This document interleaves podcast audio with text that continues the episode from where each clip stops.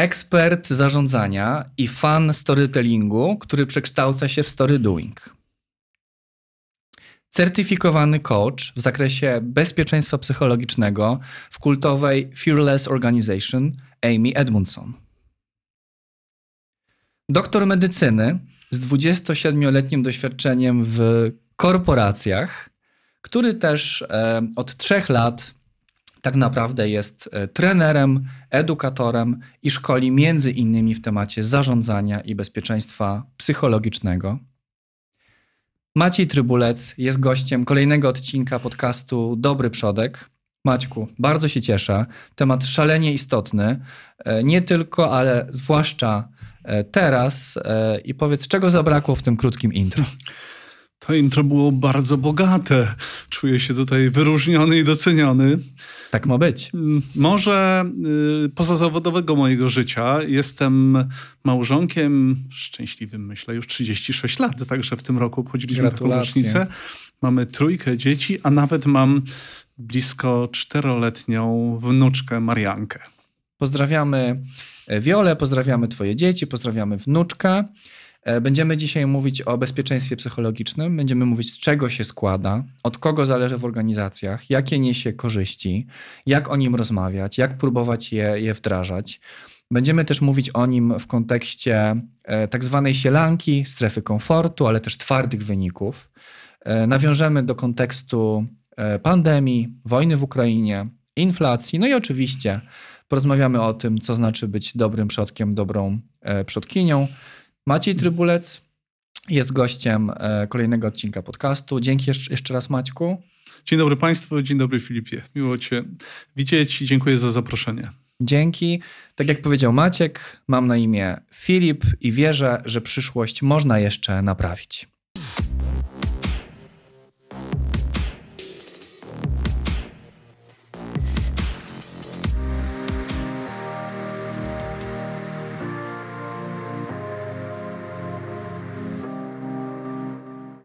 To był 28 stycznia 1986 roku. Mroźna pora roku, no i mroźna zimna wojna na świecie. I właśnie w Stanach Zjednoczonych, e, które wtedy rywalizowały z Rosją, między innymi w wyścigu kosmicznym, miała premierę, miał start e, misji Challenger. Po 72 sekundach lotu prawa rakieta oddzieliła się od dolnej części mocującej e, do całości e, statku. No i spektakularnym, e, w spektakularny sposób rozpadła się na oczach tysięcy ludzi, no i na oczach milionów Amerykanek i Amerykanów oglądających to w telewizji, ponieważ na pokładzie była pierwsza kobieta, pierwsza osoba, która jest nauczycielem w programie Nauczyciel w kosmosie. Więc wielka żałoba narodowa, e, cała siedmioosobowa załoga zginęła. Jak się później okazało, przyczyną katastrofy, taką bezpośrednią, była uszczelka. Uszczelka, która nie wytrzymała przymrozków, której właściwości się zmieniły z powodu przymrozków. A idąc już teraz do niebezpośredniej przyczyny, e, warto dodać, że inżynierowie sygnalizowali, mówili o tym, że ta uszczelka może ulec zmianie. Natomiast menedżerowie oddalili te sugestie i nie przekazali ich do góry. Są różne domysły, hipotezy, dlaczego ich nie przekazano do góry. Jedna się wybija, wybija się w raportach, w badaniach, w komentarzach, opiniach, artykułach. Jest to opinia, że po prostu się bali. Bali się zawodu, bali się przeciwstawić dążeniu do rywalizacji właśnie, do, do wygrania w tym konkursie zbrojeń z Rosją. Maćku, jak ta historia może łączyć się e, w sposób mniej lub bardziej tendencyjny z tematem dzisiejszej rozmowy? No rozpoczęło się od e, storytellingu, mojej ulubionej formy.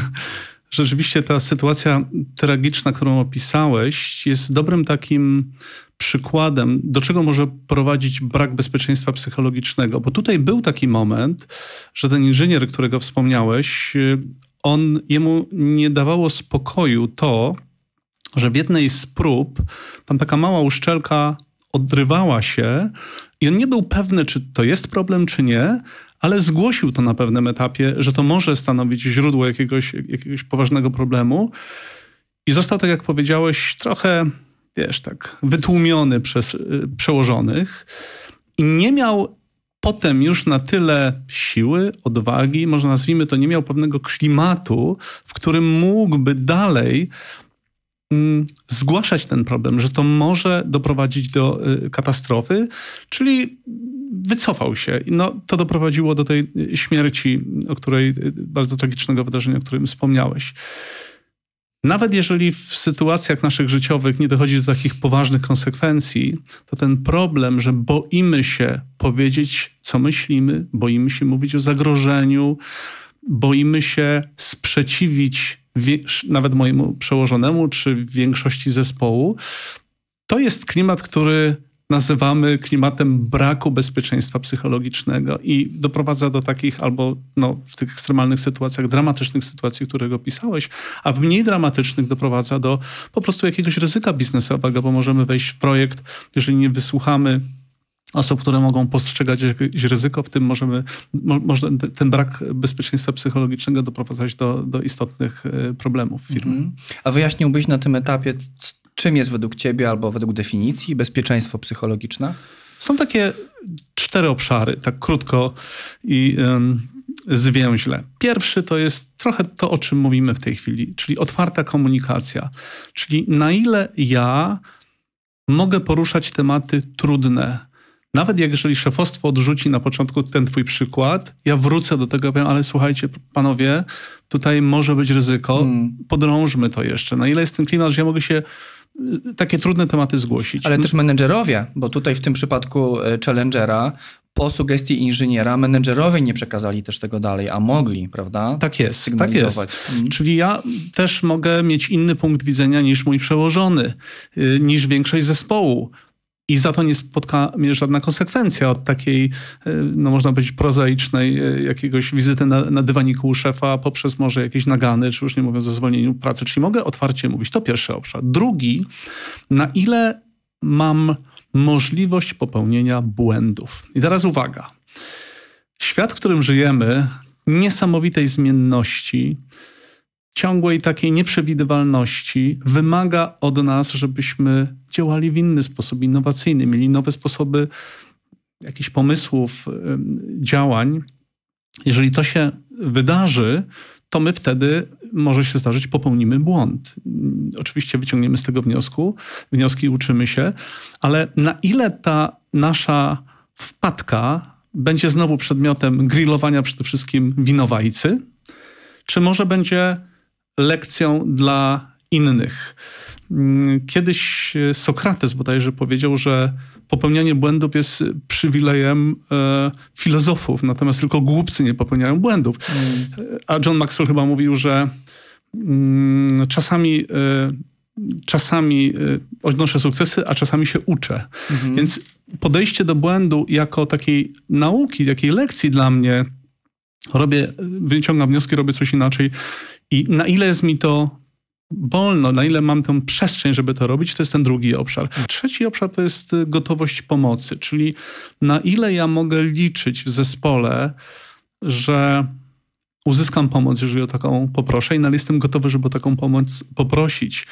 I to nie będzie uważane za moją jakąś słabość, niekompetencję, może ja się nie nadaję do tego zespołu, mogę otwarcie o tym powiedzieć.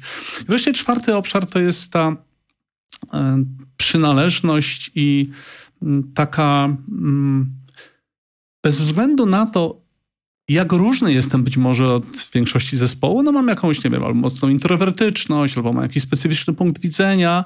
Nie jestem postrzegany jak jakiś dziwak, żeby nie powiedzieć intrus, który zawsze wkłada, wiesz, w koła jakiś kij, żeby tutaj zwolnić dyskusję. Już jesteśmy wszyscy gdzieś tam, mm. wszyscy się zgadzamy, a ja nagle wchodzę i mówię, a wiecie co, ja uważam, że to jest ogromne ryzyko, nie róbmy tak. I wtedy, jeżeli ktoś zamiast mówić uspokój się, bo ty zawsze tak, zadajemy pytania, powiedz nam coś więcej. Z czego wynika ta twoja e, obawa przed pójściem w tą stronę albo wejściem w ten projekt? Na ile ja czuję się z tą moją innością, różnorodnością częścią zespołu, że stanowię jakieś komplementarne uzupełnienie, a nie jakiegoś outsidera, który jest takim tylko troublemakerem. Więc y, ta, ten czwarty obszar. Jeżeli te warunki są spełnione, no to możemy mówić o istnieniu bezpieczeństwa psychologicznego w firmie. Brzmi jak szalenie trudna checklista do zrealizowania. Jak to wygląda w organizacjach? Czy faktycznie udaje się te cztery punkty odhaczać? Ja tak sobie myślę intuicyjnie, że zwłaszcza to czwarte, czyli belonging, przynależność, może być szalenie e, trudne. Chciałbym, żeby w organizacjach pracownicy byli zmotywowani, czuli się częścią e, organizacji, utożsamiali z jej wizją, ale no nie oszukujmy się, no nierzadko, nie, nierzadko tak nie jest. Tutaj bardzo ważna jest mądrość liderów, mądrość przełożonych. Ja ci powiem o moich, wpad moich wpadkach. Ja lubię mówić o moich wpadkach, bo to jest jakaś lekcja też do nauki. Ja bardzo lubię, lubię w tobie to, że masz no, prawie trzy dekady doświadczenia w korporacyjnego, nie? więc mówisz o tym tak naprawdę na, swojej, e, na swoich własnych doświadczeniach i na swojej skórze testowałeś te hipotezy, więc... Testowałem i czasami ciekaw. się trudno do tego przyznawać, ale myślę, że jak to komuś pomoże, to, to, to będzie jakiś zysk z tego. Ja kiedyś miałem e, takiego człowieka, zmienię mu imię, nazwę go Krzysztof, który był właśnie taką osobowością, o której mówimy, że Zawsze miał inny punkt widzenia, zwykle się nie zgadzał z większością. Bardzo często był, miał inne zdanie niż ja i, i to do, do jakim kierunku szliśmy. I mnie taka postawa jego bardzo irytowała. Na początku, jako niedoświadczonego, niedoświadczonego menadżera, miałem takie wrażenie, że on się po prostu nie nadaje do nas, że on jest taką, mm. wiesz, z innej bajki. Nie pasuje. Nie pasuje. I po latach dopiero zrozumiałem, jaką wartość on wnosił że no właśnie ten punkt widzenia inny jest niezwykle cenny dla liderów, w ogóle dla zespołu. I to nie znaczy, Filipie, że za każdym razem on ma rację, tak? Trzy czwarte mm. zespołu mówi coś, on przychodzi i mówi coś innego idziemy za nim. Nie, nie, ale chodzi o to, żeby go wysłuchać, żeby zadać mu pytania, żeby pogłębić na podstawie czego widzi to ryzyko, mm. o którym mówi. I raz go być może częściowo przyznamy mu rację, a innym razem powiemy, wiesz co, ale w tej dyskusji, poszerzeniu tematu nie widzimy tutaj ryzyko, idziemy w tym kierunku, o którym mówiliśmy. Więc tu chodzi bardziej o, wiesz, o ten szacunek pochylenia się nad różnym punktem widzenia. Mhm. Niektórzy mądrzy liderzy mają taką wręcz na spotkaniach funkcję wyznaczają, nazwijmy ich dysydentów, takich ludzi, i oni dostają takie kartki, czyli jak jest spotkanie, dyskutujemy jakiś bardzo ważny temat, mhm. No i grupa w, w, toku dyskusji dochodzi jakiegoś tam porozumienia, czy tam większość y, już myśli, że powinniśmy podpisać ten projekt albo pójść w tym kierunku, albo zastosować taką strategię. Nagle ten człowiek ma zadanie pytać, a co, jeżeli wszyscy się mylą? What if? Co jeśli? Dokładnie. A jak zobaczymy na ten projekt z perspektywy roku? Hmm. Wiesz, jest kilka takich pytań, na które on ma wręcz tak, no, powiedziałbym trochę sztucznie, bo wszyscy wiedzą, że on jest tym dysydentem i ma inaczej myśleć, ale to jest właśnie ten adwokat diabła, który zabezpiecza nas w niektórych sytuacjach. Wiesz, jest taki trend, jest owczy trend w grupie, w społeczeństwie. Jeżeli ktoś tu już zaczyna mówić coraz więcej, kula śnieżna się wiesz, powiększa, wspiera, to już właściwie wszyscy idą. Zwłaszcza jeżeli ten ktoś, kto zaczyna, mówi z pewnością siebie. I nie, nie, nie jest tutaj istotne, czy on to dobrze przemyślał bardzo często, czy jest to poukładane, czy jest to spójne, ale wystarczy ta pewność siebie i, i logika wypowiedzi. I możemy przegapić pewne ryzyko, które się pojawi. Mhm. Potem są tego oczywiście y, koszty. Więc... Y, Bardzo mi się podoba taka, taka persona adwokata diabła w zespole. Myślisz, że w rodzinie też by miała sens przy dyskusjach przy rodzinnym stole? Wiesz co, Filip? Ja się nauczyłem jednej rzeczy. Ja mało przenoszę tych rzeczy z zawodowego, zawodowej, zawodowej przestrzeni do mojego życia rodzinnego. No, trochę przesadzam, bo niektóre staram się przemycić, ale zwykle reakcja jest taka mojej żony byłeś na szkoleniu, uspokój się, zostaw. Nie jesteś już na szkoleniu, nie jesteś prezesem, nie jesteś liderem. Zostaw tę energię. rodziną. Tak, chociaż niektóre rzeczywiście przemycam. Ale popieram, żeby tego nie łączyć. Jeszcze sobie pomyślałem o tym Krzysztofie, naszym tutaj hipotetycznym, że to jest tak naprawdę standardowy proces wchodzenia w buty z design thinking, empatyzacji, czyli zastanawiam tak. się, Gdybym ja był zirytowanym klientem, gdybym ja był klientem, jak ja bym podszedł do tego projektu, do tej propozycji wartości tak. e, jakie mógłbym tutaj znaleźć minusy, wady, zagrożenia tak. i szanse też pewnie. Tak jest. Wydaje nam się, że oferta jest wspaniała i Wszyscy powinni być prawo brać bez ograniczeń, kupować, a, a właśnie to takie empatyczne wejście w drugiej strony i właśnie próba trochę może na siłę poszukania słabych stron jest takim no, wzbogaceniem, czy upewnieniem się, że to, co proponujemy, nie ma jakichś łatek do zaadresowania. Mhm. E, to mi się też połączyło w głowie z taką kompetencją przyszłości krytyczne myślenie, critical thinking, e, o którym też był odcinek z Arturem Negri, tutaj podlinkuję na dole e, w opisie. Natomiast do Maćku, do ciebie mam kolejne pytanie. Już mówimy sobie o tym bezpieczeństwie psychologicznym. Fajnie pokazałeś w czterech aspektach, z czego ono się składa. No i teraz tak naprawdę od kogo ono zależy? Jak je tworzyć, tak? Czy to jest inicjatywa oddolna, czy to jest indywidualny wybór każdego e, członka organizacji, czy to jednak musi iść od zarządu, czy, czy od liderów zespołów, czy jakaś hybryda? Jak to widzisz? W dużej mierze to powinno płynąć y, gdzieś z góry od managementu, od szefów, od przełożonych, bo jednak oni mają krytyczny wpływ na to, jaką kulturę tworzymy.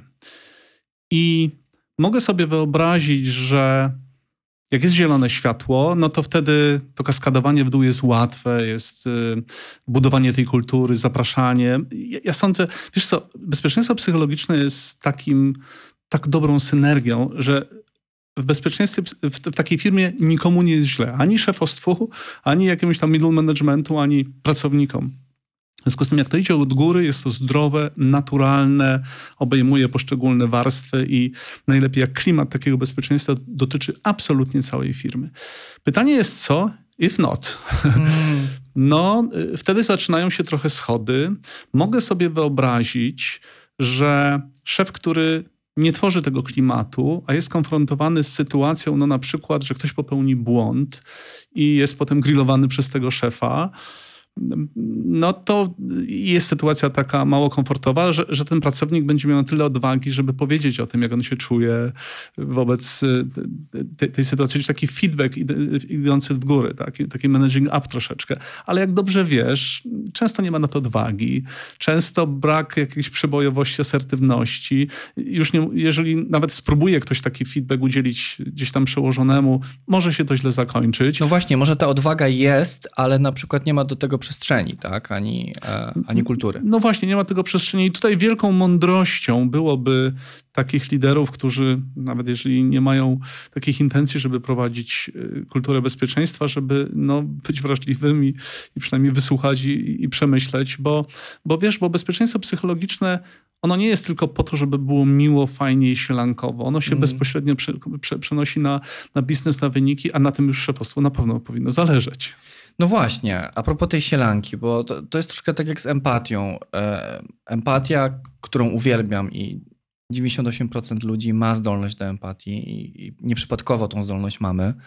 E, czasem bywa odbierana przez starej szkoły zarządzanie za taki killer skuteczności, zabójcę skuteczności, czy, czy KPI, czy wyników, no bo nie możemy być zbyt tak naprawdę wyrozumiali i, i empatyczni i jakby odnoszący się do uczuć innych osób w organizacji, z czym ja osobiście się nie zgadzam, natomiast no są takie, takie zagrożenia e, gdzieś tam manifestowane przez, przez, przez różne organizacje. Natomiast e, no jak, jak to jest z tym bezpieczeństwem psychologicznym? Bo ja sobie też e, myślę, że pewnie ono może być czyste i potrzebne, tak jak empatia, ale może być też negatywnie rozumiane i, i wykorzystywane nadmiarowo albo, albo nie tak, jak być powinno. Czasem jest negatywnie rozumiane w nieprawidłowy sposób. Jak prowadzę warsztaty dla mm, top menedżerów, dla prezesów, to taki zarzut czasem pada na początku. Mówi, aha, czyli mamy tworzyć taki klimacik, że jest sielankowo, super, yy, głaszczemy się tutaj, poklepujemy się po ramionach. Wszystko jedno, nie muszę się angażować bez względu na to, jakie wyniki ma firma, czy na ile ja się angażuję albo w tym wypadku nie angażuję, to i tak mi nic nie grozi, bo mamy klimat bezpieczeństwa psychologicznego. No mm. No więc od razu tutaj mówię tobie i wszystkim, którzy nas słuchają, to jest karykatura bezpieczeństwa. To, to nie ma nic wspólnego z tym, o czym my dzisiaj mówimy. Niestety w firmie często jest, w firmach, tak jak obserwuję, jest taki drugi biegun tej sytuacji. Czyli zobacz, nie ma bezpieczeństwa psychologicznego, ale oczekiwania, wymagania, cele co rok wyższe, plany bardzo ambitne rosną, ale nie ma bezpieczeństwa. Czyli ty na przykład no, nie masz te, tego komfortu, że no trudno, jak porobisz po, po, pomyłkę jakąś, to, to, wyciągną, to będą tego wnioski, a nie będziesz ty jakoś tutaj na dywaniku. Albo możesz otwarcie powiedzieć, że jakiś projekt nie ma bardzo sensu, albo widzisz ryzyko. I mamy tą taką przeciwstawną e, oś, prawda? Tutaj mamy sielankę, super, taką strefę komfortu, która nie jest bezpieczeństwem, to, jest, e, to prowadzi do, do katastrofy firmy również, ale mamy teraz, tę taką drugą oś, gdzie, gdzie brak bezpieczeństwa, bardzo duże oczekiwania. A bezpieczeństwo to zdrowo rozumiane jest właśnie połączeniem tych dwóch elementów, czyli tak, wysoki poziom bezpieczeństwa psychologicznego, co powoduje, że ja mogę się angażować, bo właśnie mogę popełnić błąd, bo wyciągam wnioski, bo mogę otwarcie mówić, bo mogę mieć y, pomoc. I tylko połączenie wysokiego bezpieczeństwa z wysokim zaangażowaniem y, powoduje, tworzy coś, co się nazywa taką strefą nauki i wyników. I taki takie bezpieczeństwo psychologiczne prowadzi czy przenosi się na, na, na wyniki, bo ja właśnie, no nie wiem, próbuję nowych metod, jestem zaangażowany, yy, doprowadzam w zespole do takich bardzo zdrowych dyskusji, nawet mocnych czasami, ostrych wymian zdań, ale z intencją chcę znaleźć najlepszy sposób, a nie nie kłócimy się ze, ze, sobą, wszyscy się zgadzamy, ponieważ mamy bezpieczeństwo i nie możemy się tutaj, wiesz, traktować nieodpowiednio. Więc oczywiście y, rozmowa, spieranie się z szacunkiem, ale z intencją jak najlepszego znalezienia rozwiązania.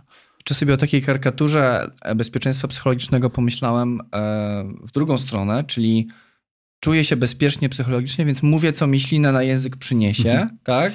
E, I, i, i, obrażam innych na przykład, tak, wyrażam swoje zdanie, podważam wszystko po to, żeby podważyć, a nie dlatego, że mam ku tego przesłanki. Więc to też, też e, tutaj myślę, że warto na to zwrócić uwagę. A to, co ty powiedziałeś, tak, e, tak podsumowując, czy, czy powiedz, czy dobrze rozumiem, czyli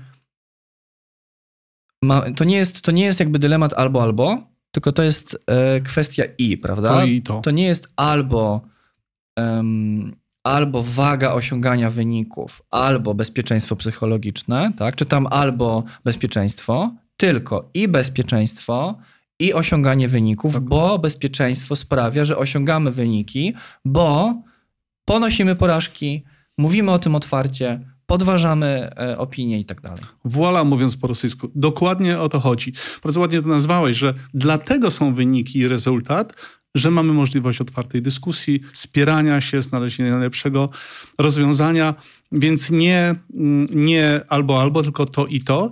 I, I, jeszcze chcę dodać to, co już y, powiedziałeś, ale to jest bardzo ważne słowo szacunek. Mm. Szacunek przyświeca tym właśnie dyskusją, czasami ostrym, czasami no takim, że, że naprawdę się spieramy, ale ja nie atakuję ciebie, bo masz inne zdanie. Z szacunkiem się odnoszę do tego, ale przedstawiam dość tak, wiesz, asertywnie mój punkt widzenia i mogę w pełni twierdzić, że on może być lepszy. Tak, super ważny wątek. Zapominamy w, w, atmosferze bezpieczeństwa psychologicznego o wycieczkach personalnych, tak, ad personam. Tak jest. Tylko mówimy o własnych przeżyciach i te dyskusje mogą być pikantne, tak, soczyste, tak. Y, ostre konflikty, tak jak powiedziałeś, czy, czy spory, może nie konflikty, ale z szacunkiem. E, to wiesz co, to jak już o tym mówimy, to, to, to warto przypomnieć, że jesteś certyfikowanym coachem. E, tak naprawdę z ramienia Fearless Organization, i zajmujesz się tak naprawdę zawodowo bezpieczeństwem psychologicznym. I powiedz, skąd ten cały boom na to, na to bezpieczeństwo psychologiczne? Od czego to się zaczęło? Tak? Czy to jest świeży temat, czy to jest stary temat? E, I dlaczego teraz? Książka Ami Edmondson, która jest uważana za taką guru bezpieczeństwa psychologicznego, ukazała się w Polsce w 2021 roku. To ciekawe, to tylko rok temu, rok temu więc to można by powiedzieć świeży temat. Y, po, polski tytuł Firma bez strachu, Firma to bez też strachu, podlinkujemy. Żółta ksią książka, nie, nie zbyt obszerna, ale bardzo esencjonalna, zawierająca to, co jest ważne i to, co jest potrzebne. Co ciekawe, w Stanach ukazała się w 2018 roku, więc też można powiedzieć, historia znowu nie jakaś taka odległa. Ale Amy Edmondson, autorka książki, zajmuje się tym tematem, no tak co najmniej licząc od 20 lat. I na, na, nawiązuje do bezpieczeństwa. Tam można posłuchać na YouTubie, jest zresztą ciekawe bardzo wypowiedzi. Nawet TEDa ma na ten temat bezpieczeństwa psychologicznego. I co spowodowało nabranie takiego wiatru w żagle, to był rok 2016. Firma Google przeprowadziła bardzo ciekawe badanie na ponad 15 tysiącach y, y, uczestników gdzie zbadała, zadała sobie pytanie, co powoduje, że zespół jest efektywny. Bardzo duże badanie, zresztą prowadził go Charles Duhigg, z autor Siły Mm, Nawyku. Siły nawyku, tak. I jeszcze wielu innych świetnych książek. I mm, co pokazało to badanie? Wzię- Wzięto pod uwagę kilka czynników, no takich chociażby jak pracowni- w jakim stopniu pracownicy mają wpływ na to, co robią. Y, Jak wygląda klarowność i struktura? Czy jest to jasne, przejrzyste? Jak mogą liczyć na innych, czyli rzetelność pracy? Parę elementów. Jednym z tych elementów branych pod uwagę było bezpieczeństwo psychologiczne. No i co się okazało w wyniku tego badania, że zdecydowanie numer jeden czynnikiem wpływającym na efektywność zespołu jest bezpieczeństwo psychologiczne. Co więcej, okazało się, że gdy nie ma bezpieczeństwa, to te pozostałe czynniki nie mają znaczenia. One też nie wpływają na efektywność. Mm. Dlatego to był taki wiatr w żagle M. Edmondson. No i ten temat wypłynął. No, można powiedzieć, że to nie jest jakaś dłu- długa historia 2016. I coraz więcej. W tej chwili ten temat y, jest bardzo popularny. Dużo o nim się mówi. I wiesz, Filip, jak ja spotykam mm, się na rozmowach z HR-em czy z managementem firm i, i rozmawiamy o różnych takich opcjach treningowych, absolutnie bezpieczeństwo stanowi numer jeden. Takie zainteresowanie. A, to by było ciekawe. To moglibyśmy Mm. tutaj u nas zobaczyć, jak to u nas jest, jak to wygląda. Więc to jest taka perspektywa, no tak, tak powiedziawszy już tej takiej, e, tego takiego powrotu do tematu, no 5-6 lat mniej więcej. Świetnie. To jest taki temat, tak sobie myślę, kto- który każdego dotyka. E, Wydaje mi się, że każdy z mniejszym bądź większym doświadczeniem korporacyjnym e, ma przemyślenia odnośnie bezpieczeństwa psychologicznego, możliwości wypowiadania się, udzielania pomocy, podważania itd., itd. w tej zwykle hierarchicznej przecież strukturze, a nie, nie ma zazwyczaj przestrzeni i narzędzi do podejmowania tego tematu sa, samodzielnie wewnątrz organizacji, więc tym bardziej kursy, treningi, warsztaty w tym temacie są myślę, że kluczowe dla zdrowia organizacji. Tak, e, tak. To, wracamy do tego tematu, o którym mówiliśmy, że dobrze jest, jeżeli jest tutaj taki konsensus na poziomie jednak zarządzających, czy szefów działu, czy HR-u, żeby to wprowadzić taką kulturę, bo wtedy jest taki zdrowy sposób prowadzenia i on ma większą szansę efektów, prawda? Bezpieczeństwo zresztą nie można zmienić, wiesz, przez tydzień, prawda? To jest pewien proces, który trwa zwykle kilka miesięcy i można to mierzyć na pewnych etapach, jak, jak się poprawia ta sytuacja. No niestety to nie jest tak jak z pasami bezpieczeństwa w samochodzie, gdzie zapięcie już drastycznie podnosi nasze szanse. Bezpieczeństwa. Szkoda, że nie ma takich plastrów w organizacjach. Natomiast, e, albo może, może i dobrze, że nie ma, bo dzięki temu musimy ćwiczyć i stawać się lepsi, lepszymi ludźmi i, i przodkami, ale zanim do tego przejdziemy, do takich finałowych dwóch pytań, powiedziałeś, że badania Google'a e, wpłynęły na, na boom e, właśnie tej, e, tej, tego movementu, tej kultury firmy bez strachu, też książki Amy, ale też sa, samego bezpieczeństwa psychologicznego. A jak tutaj sobie radzi ten temat pod naporem e, pandemii, pod naporem e, wojny w Ukrainie, pod naporem inflacji? Jak to wpływa na, na postawy w organizacjach? Jest takie przysłowie chińskie, abyś żył w ciekawych czasach, a może Mm. to nawet jest przekleństwo. Niewątpliwie to wszystko, o czym powiedziałeś, yy, no, powoduje, że my żyjemy w bardzo ciekawych czasach, yy, trudnych bardzo czasach i, yy, i rzeczywiście na, nawet wcześniej, wiesz, jak mówimy, nie wiem, o ocieplaniu klimatu, o tych zmianach, o zaśmiecaniu naszego globu, o, czy, czy te ostatnie dwóch lat doświadczenia pandemii, czy teraz na dramat za naszą wschodnią granicą, to, to my żyjemy w coraz mniej bezpiecznym i przewidywalnym świecie. I teraz, jeżeli możemy w tym naszym środowisku pracy stworzyć pewien klimat bezpieczeństwa, to jest to tak trochę jak oaza na pustyni, prawda? Że my, Mhm. że my możemy no, na przykład otwarcie mówić, y, że jest jakieś po, po, pozwolenie na błędy, więc y, myślę, że to ten temat szczególnie teraz jest taki ważny, żeby tworzyć te środowiska bezpieczeństwa psychologicznego w pracy, bo tego po, potrzebujemy jak kania dżdżu. Mhm. Ja nie wiem, os, ostatnie dwa lata, ja już nie jestem młodym człowiekiem, kilka, parę lat przeżyłem, ale uważam je chyba za jedne z najtrudniejszych, jakie w ogóle y, y, przeszedłem, no, począwszy od, od początku pandemii, tego co się działo i im, impaktu na nasze życie, po, poprzez teraz tą sytuację kompletnie nieprzewidywalną, więc, więc twórzmy te oazy, y, które raz no, pozwolą nam lepiej, w lepszym komforcie pracować, a, a też tak jak powiedziałem, to nie jest oderwane od takich czysto wyników biznesowych, bo tu jest ten związek i to jest bardzo ciekawe. Tak, z jednej strony myślę sobie, że faktycznie, że to jest katalizator, prawda, myślenia o bezpieczeństwie psychologicznym i, i pandemia, wojna czy, czy inflacja akcelerują, mam nadzieję, też postawy pomocowe, e, czy zaufania, czy, czy, czy zaangażowania, czy szczerości. Natomiast obawiam się też takiego rykoszetu w drugą stronę, czyli okej, okay, wcześniej bałam, bałem się przeciwstawić szefowi, a teraz jeszcze bardziej się boję, no bo boję się, że stracę pracę, bo kryzys, mm. bo zwolnienia, bo, bo inflacja, tak?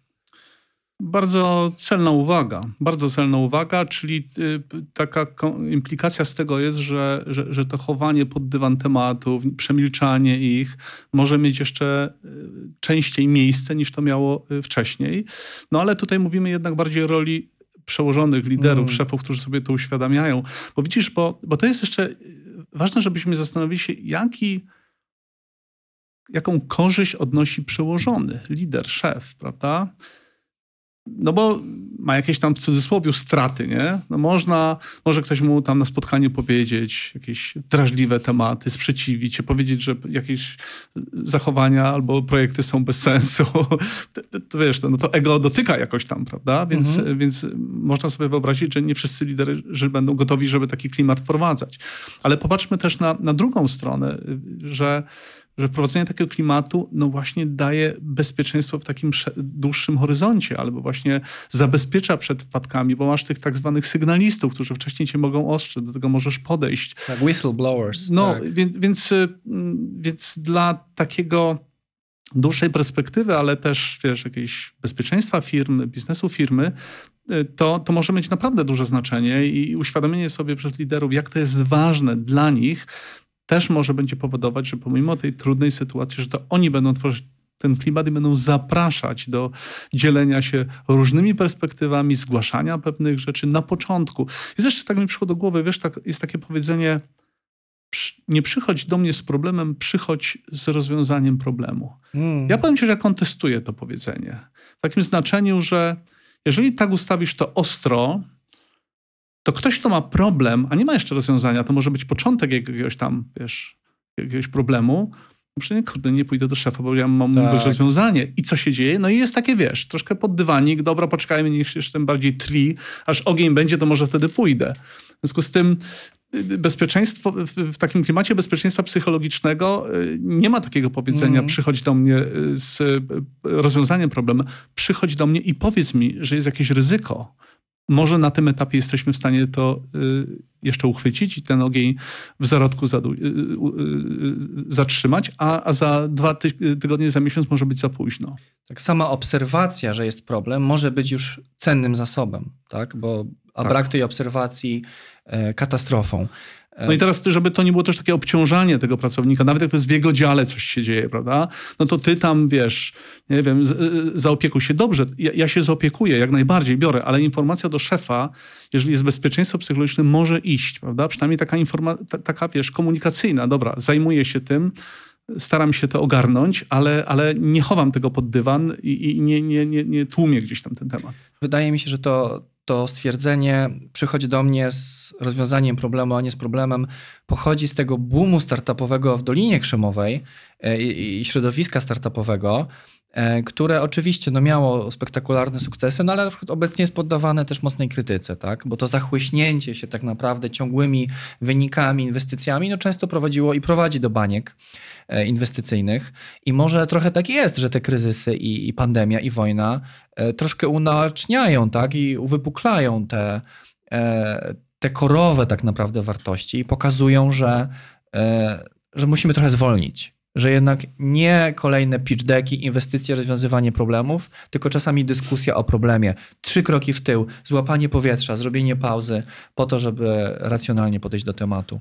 otwarta, uczciwa, z szacunkiem dyskusja i, te, i, coś takiego, co bym dawał, dawanie przestrzeni na możliwość wypowiadania się, mm. prawda? Bo tutaj też dotykamy takiego tematu tworzenia tego środowiska odpowiedzialności, czyli no, taki drobny tip, jeżeli jest spotkanie omawiamy jakiś ważny temat, trudny temat, który może być ryzyko, y, może grozić jakieś ryzyko, no i rozpoczynamy dyskusję w takim zespole. Ważne jest, kiedy mówi szef swoje zdanie na ten temat. Tak? Mm. Czy mówi na początku i to w zasadzie jest sprawa załatwiona. No tak. Wszyscy pozostali starają się, wiesz, jakoś wpisać w ten klimat. Czy wysłuchuje odpowiednio każdą osobę uważnie i zabiera głos na końcu.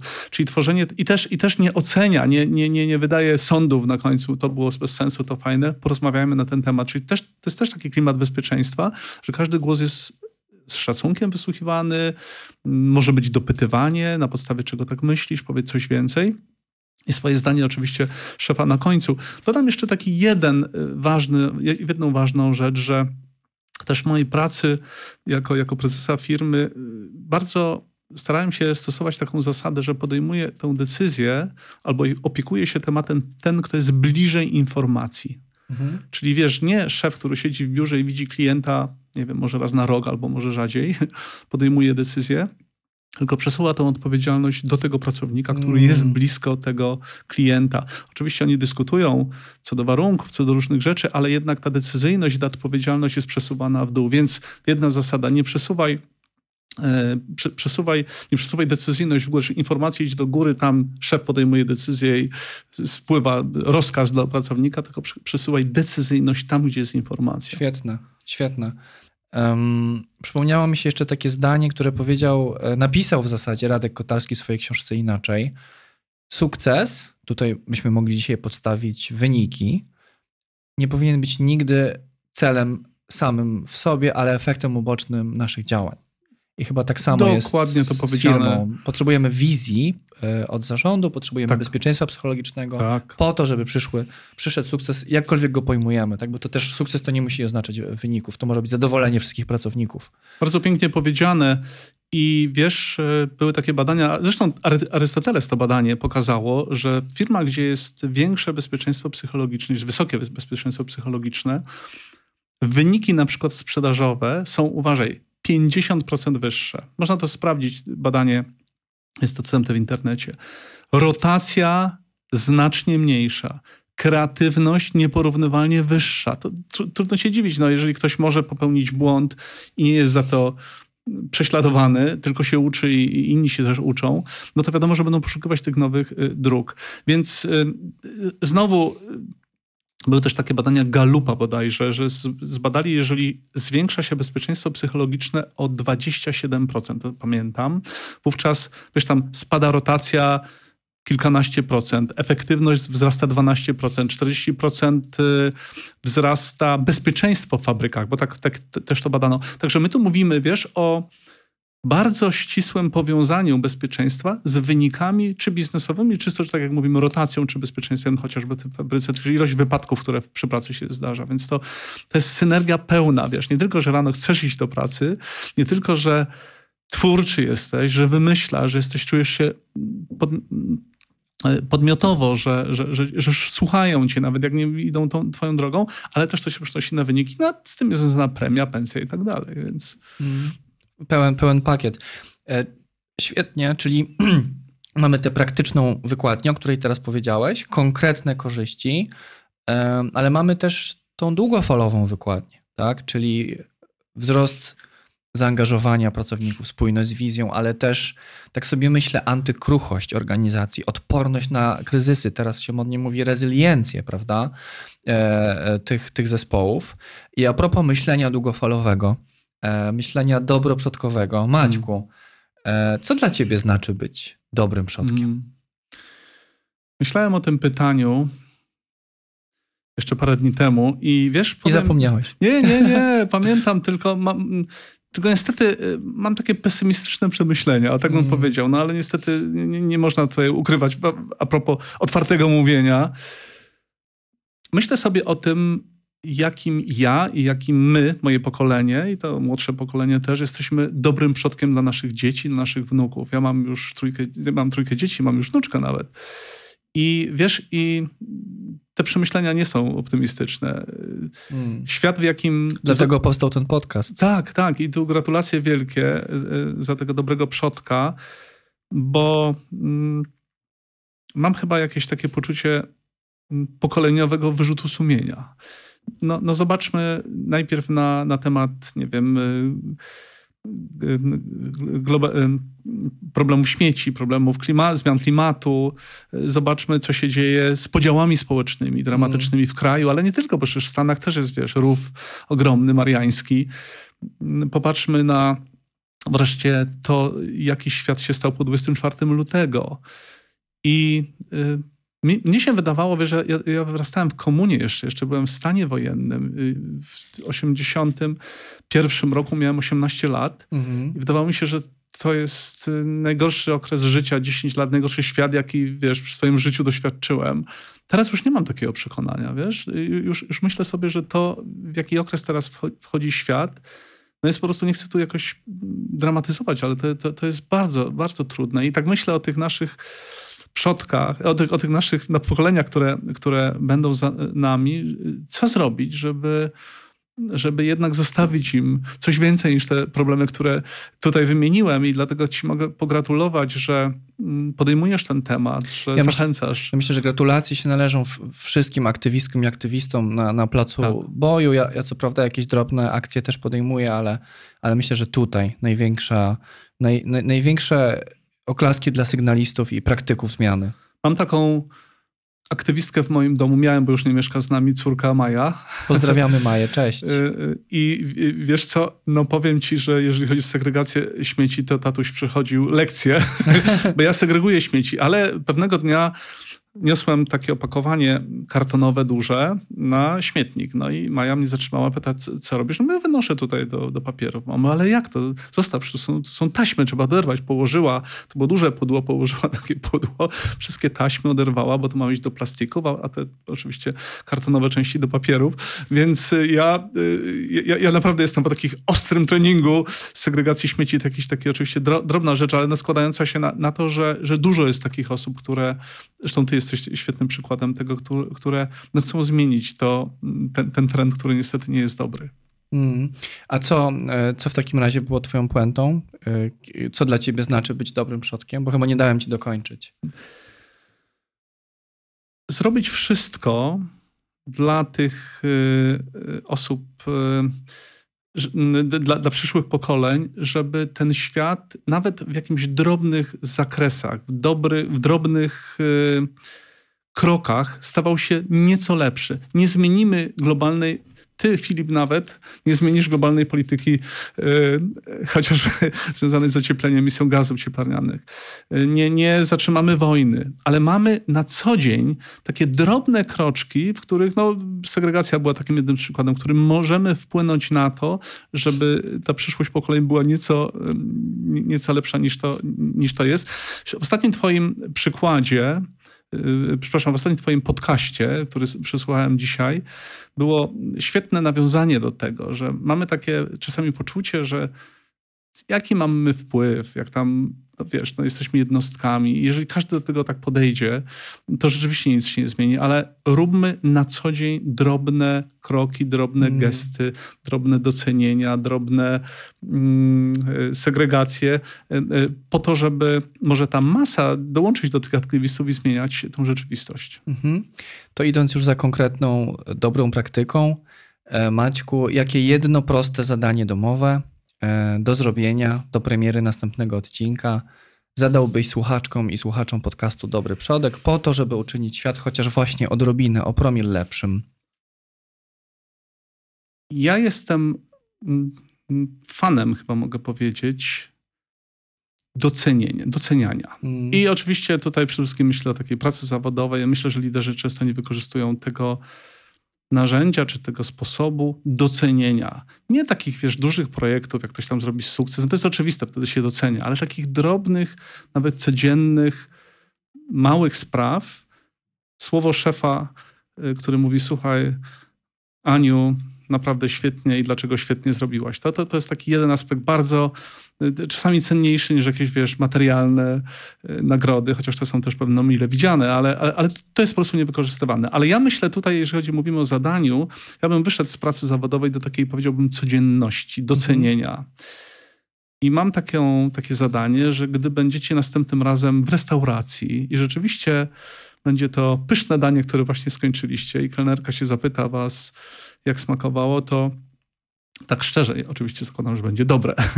szczerze y, docencie, podziękujcie, powiedzcie, żeby y, przekazała szefowi kuchni, że to naprawdę było znakomite danie. Y, czy jak będziecie ja ostatnio miałem taką sytuację, 20 chyba 3.50, tuż przed północą, jakąś miałem infolinię ważną. Wiesz, no, ja byłem zmęczony, wyobrażałem sobie, że ta pani na infolinii też była zmęczona i świetnie rozwiązała mój problem, dość złożony, dla mnie przynajmniej. Mhm. I wtedy, jak będziecie w takiej sytuacji, docencie to, powiedzcie właśnie taki naprawdę takie, takie dobre słowa, że doceniam panią za to, że pomimo tego, że już jest północ, pewno jest pani zmęczona, bo parę godzin już pani odpowiada na te pytania, zrobiła to pani świetnie. Y, czy jak będziecie wreszcie w może supermarkecie i pani siedzi na kasie i wiesz, i też albo jest chłodno, albo gorąco, albo nie wiem, no i, i ona sobie daje radę y, w tym wszystkim, to, to zróbcie to samo. Mhm. Powiedzcie, że, że, że doceniacie to, że mm, no, pewno jest właśnie niełatwo tutaj, a a pani to robi sprawnie i z uśmiechem, może jeżeli jest taki uśmiech, mam nadzieję, a w każdym razie jak nie ma, to jak powiecie, to na pewno taki uśmiech się pojawi. Więc e, ja, ja bym takie zadanie miał, dałem jakieś trzy przykłady, w różnych sytuacjach codziennych w stosunku do konduktora albo kogoś, nie na siłę, nie sztucznie, nie wtedy, jeżeli ktoś jest niemiły, ale rzeczywiście, jeżeli są takie przykłady zachowań, które są warte docenienia, to zróbcie to i zobaczcie, jaka będzie reakcja. Jak wiecie, dobro się przenosi i emanuje. I jeżeli wy to zrobicie, to jestem przekonany, że ten pan konduktor w rozmowie z następnym pasażerem będzie jeszcze milszy niż to by wynikało z jego zadań i obowiązków. I może chociaż takimi drobnymi kroczkami ten świat będziemy robić nieco lepszym. Piękne. Maćku, najważniejsze pytanie na koniec. Czy czułeś się dzisiaj bezpiecznie psychologicznie?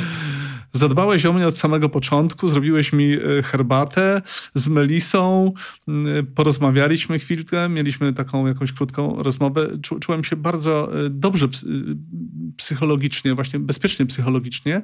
I ty masz taką aurę wokół siebie, gdzie nie tylko w tej rozmowie, ale w innych rozmowach roztaczasz to bezpieczeństwo, więc bardzo Ci za to dziękuję. Dziękuję Ci za zaproszenie na tą rozmowę. Ja Ci bardzo dziękuję, Maćku, że wniosłeś swoje bardzo y, szerokie, głębokie i wartościowe doświadczenie dzisiaj do studia Dobrego Przodka.